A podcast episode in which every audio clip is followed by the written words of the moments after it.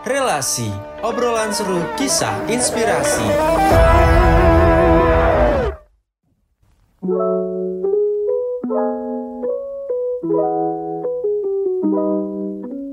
Oke, kembali lagi Sobat Relasi di Relasi, obrolan seru kisah inspirasi.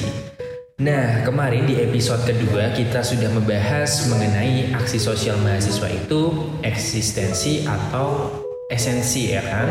Nah, di episode ketiga kali ini kita masih sejalur sih akan membahas mengenai call to action yaitu panggilan untuk beraksi. Nah, pada kesempatan kali ini di episode ketiga kami dari podcast relasi akan mendatangkan bintang tamu dari komunitas ZAR. Nah, mungkin dari komunitas ZAR bisa menyapa sobat relasi dulu.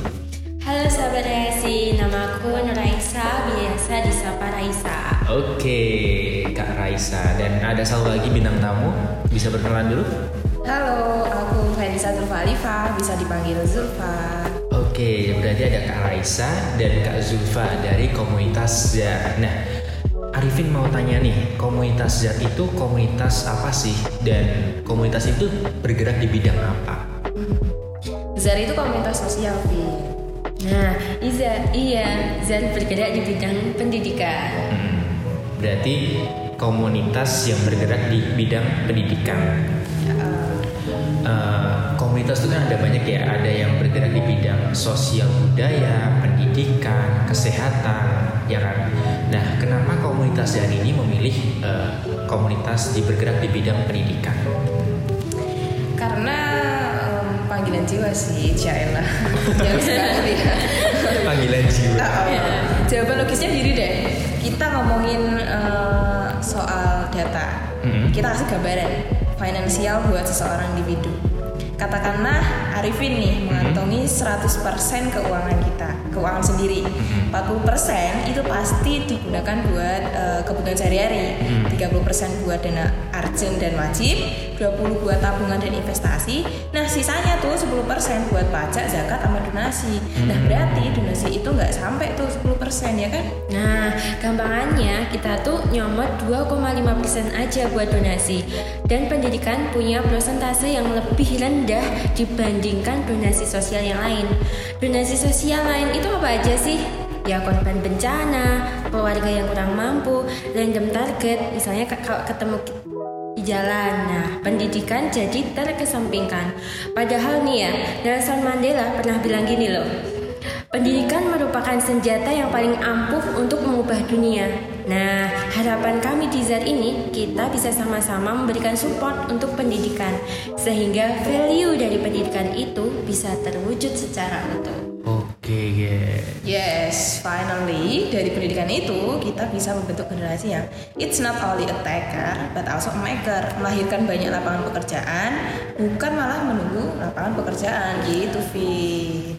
Wow, jujur sih keren banget. Berarti kan kalian tuh prefer ke kualitas pendidikan ya dan eh, tadi sudah dijelaskan juga mengenai data-data juga ya. Berarti komunitas kalian udah benar-benar melakukan riset data juga ya dari 100% eh, terus dibagi-bagi akhirnya eh, menjadi 2,5% juga gitu. Nah, terus kalian juga udah mempunyai tujuan untuk memberikan support untuk pendidikan sehingga pendidikan yang ada di Indonesia itu terwujud secara utuh. Nah, eh, aksi dari komunitas dan ini tuh apa aja sih yang akan dilakukan atau pernah yang sudah dilakukan ke depannya atau yang kemarin-kemarin gitu? Ya, jadi aksi yang kita lakukan itu ada dua bos. Dua, apa nih? Penasaran banget kan? Yang pertama itu galang dana. Nah ini tuh berkaitan dengan uang. Dan yang kedua itu kerjasama dengan kegiatan-kegiatan pendukung pendidikan. Nah, seperti halnya tanaman, Vin, sesekali, nggak cuman buat mempercantik tampilan aja kan, tetapi untuk merangsang tumbuhnya bunga dan buah ya toh. Sama dengan kita, dana itu seperti roda yang berputar. Ketika kita mengeluarkan untuk hal baik, maka akan kembali ke kita juga keberkahannya. Bersyukur juga sih karena itu kita jadi tahu ternyata orang baik di luar sana itu nggak ada habisnya. Oke, berarti ketika kita akan melakukan suatu kebaikan, pasti juga kita akan mendapatkan kebaikan itu pula ya kan kak ya. Nah mungkin dari Kak Raisa ada tambahan? Nah bener sih. Nah kalau soal kerjasama nih ya, aku tuh pernah baca kata Pak Di Martin. Pak Di Mbak. Iya, iya. Beliau tuh bilang kayak gini, kalau kesatuan adalah kekuatan, mm -hmm. ketika ada kerjasama dan kolaborasi, hal indah akan dapat dicapai. Hmm. Sama seperti kabinetmu toh, ah, kolaboratif. Ah, ya. ya. Notice Kak Konsa dan Mas Arif. Oke. Okay next pertanyaan nih. Ini kan lagi di masa pandemi ya. Eh, untuk kita berdonasi itu kan juga agak sulit. Nah, terlebih semua orang tuh juga harus prihatin. Terus gimana sih eh, cara kita untuk berdonasi? Good question. Ini menarik nih, Vin. Karena pandemi itu masyarakat cenderung aktif buat berdonasi. Saya enggak. Ditambah di era digitalisasi sekarang memberikan banyak sekali kemudahan berdonasi lewat online. Misalnya nih, donasi GoPay lah ya salah satunya. Digital Donation uh, Outlook atau DDO 2020 itu pernah melakukan riset bersama organisasi peneliti dan pengembangan masyarakat Copernic. Tahu nggak hasilnya? Apa? Mereka itu berhasil menganalisis secara detail tren ekosistem donasi digital di Indonesia. Dalam platform GoPay aja, transaksi donasi digital tuh bisa naik dua kali lipat selama pandemi. Wah, udah bisa triliunan itu. Wow, keren juga ya. Melalui donasi online bisa sampai triliun triliunan. Keren juga. Nah, saat pandemik, donasi digital membuat masyarakat bisa membantu sesama dengan cepat, aman, dan tanpa harus membahayakan dirinya nggak sih? Atau tanpa kontak gitulah ya istilahnya. Nah, donasi digital ini menurut kita peluang yang besar yang potensial buat dioptimalkan Vin. Kalau dulu kita harus door to door buat dapat donasi, sekarang tinggal pakai money, selesai deh. Nah, menariknya lagi, donasi baik secara nominal ataupun frekuensi, generasi milenial itu cenderung naik. Rata-rata nilai per donasi digital naik sekitar 70 persenan lah ya. Hmm, berarti eh, kemudahannya tuh kita di donasi lewat digital ini kita ya itu tadi ya kak kita nggak usah datang ke rumah ke rumah atau kita susah-susah ke bank atau ke mana eh, misalnya ke supermarket terus ada kotak amal gitu kita harus kayak gitu enggak ya kita bisa tiduran terus di rumah pokoknya di rumah bisa iya. Chill-chill aja gitu. santai men. Nah dari rentetan data itu, jadi itu mulai terbuka, Vin, sama aplikasi-aplikasi digital buat donasi. Ya katakanlah kita jika setiap tahun tren donasi itu makin meningkat, organisasi non profit seperti Zar ini bisa tembus berapa kali lipat donasi dari biasanya.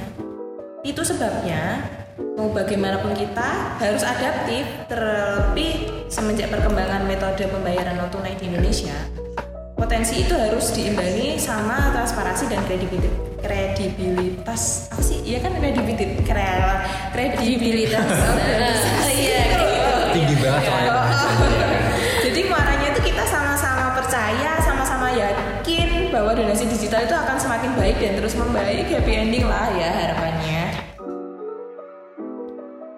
Oke, nah ngomongin soal apa itu eh, donasi melalui online. Nah, apakah komunitas Zar ini tuh udah mewadahi itu belum? Maksudnya ada nggak sih em, nama komunitas Zar di aplikasi-aplikasi online itu? Misalnya nih, Arifin mau donasi melalui komunitas Zar, itu apakah ada atau belum? Atau ada misalnya nih komunitas Zar membuka eh, galang dana mana terus setelah itu bisa disalurkan melalui komunitasnya seperti itu apakah sudah ada Udah ada. Ah. Eh, tapi kalau secara aplikasi kan kita belum, tapi kita bisa eh, mewadahi teman-teman eh, bisa menghubungi kami lewat IG, kemudian lew- lewat kontak person yang tersedia itu udah ada gitu Bin. Dan Oke. kita udah pernah berdon apa membuka donasi itu eh, alhamdulillah lumayan banyak gitu ya. Heeh. banyak banget berarti sudah pernah terrealisasikan dan komunitas Zar itu bisa menjadi salah satu komunitas untuk perantara berdonasi di bidang pendidikan. Benar banget. Oke. Nah mau tanya lagi nih eh, sebesar apa sih urgensi donasi buat pendidikan itu kak Nah sebelum itu aku balik tanya nih Vin. Selama ini Arifin suka sambat nggak kalau ada kalau nggak ada sinyal tuh kak kuliah Atau lagi meet nih tiba-tiba HP error Terus kuotanya habis? Hmm, iya sih, apalagi kalau kita lagi kuliah, eh, kuliah online, terus pas presentasi tuh tiba-tiba sinyalnya hilang. Kayak rasanya tuh eh, separuh jiwa tuh separuh jiwa kok pergi. Ya.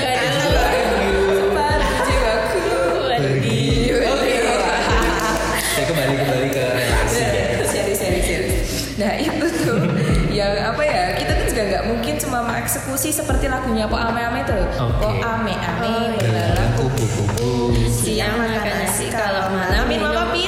susu dong. Ini jadi teringat masa kecil. Oh iya. Jadi ketika itu kita tuh tahu data-data soal uh, kebutuhan pendidikan sekarang gitu. 97,6 siswa ya, bayangin ya. Mhm. Itu bergantung sama handphone dan sinyal. Mhm. Di sisi lain, 60 persenan guru itu belum siap buat men-take over siswa dari keluarga yang kurang mampu. So, what can we do? Ya aksi jawabannya. Call to action. Nah, dilema, dilematisnya tuh gini Zulfin, mana yang harus didahulukan? Hmm. Fasilitas atau frekuensi?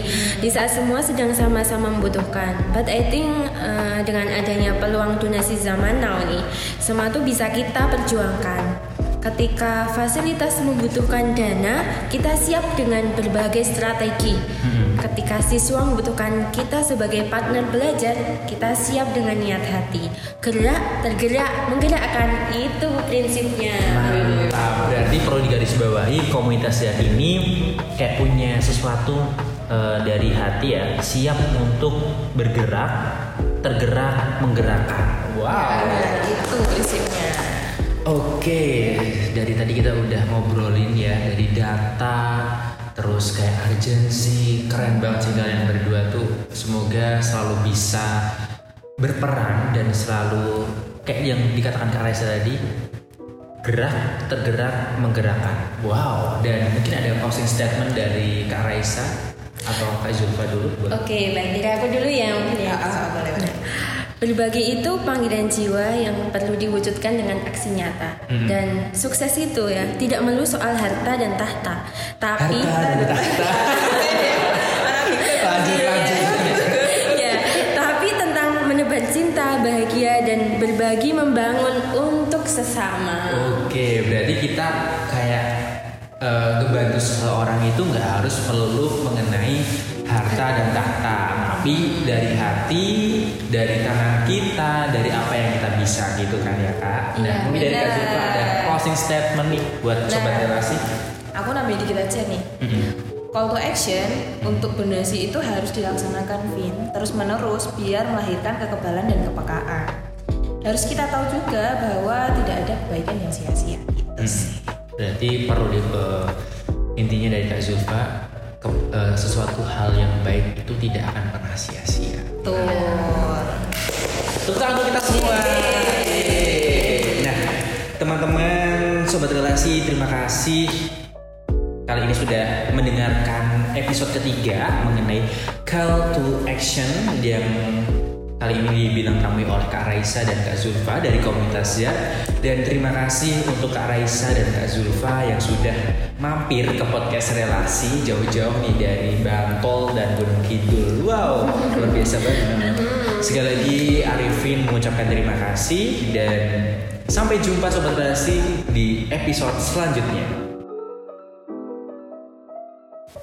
Relasi, obrolan seru kisah inspirasi.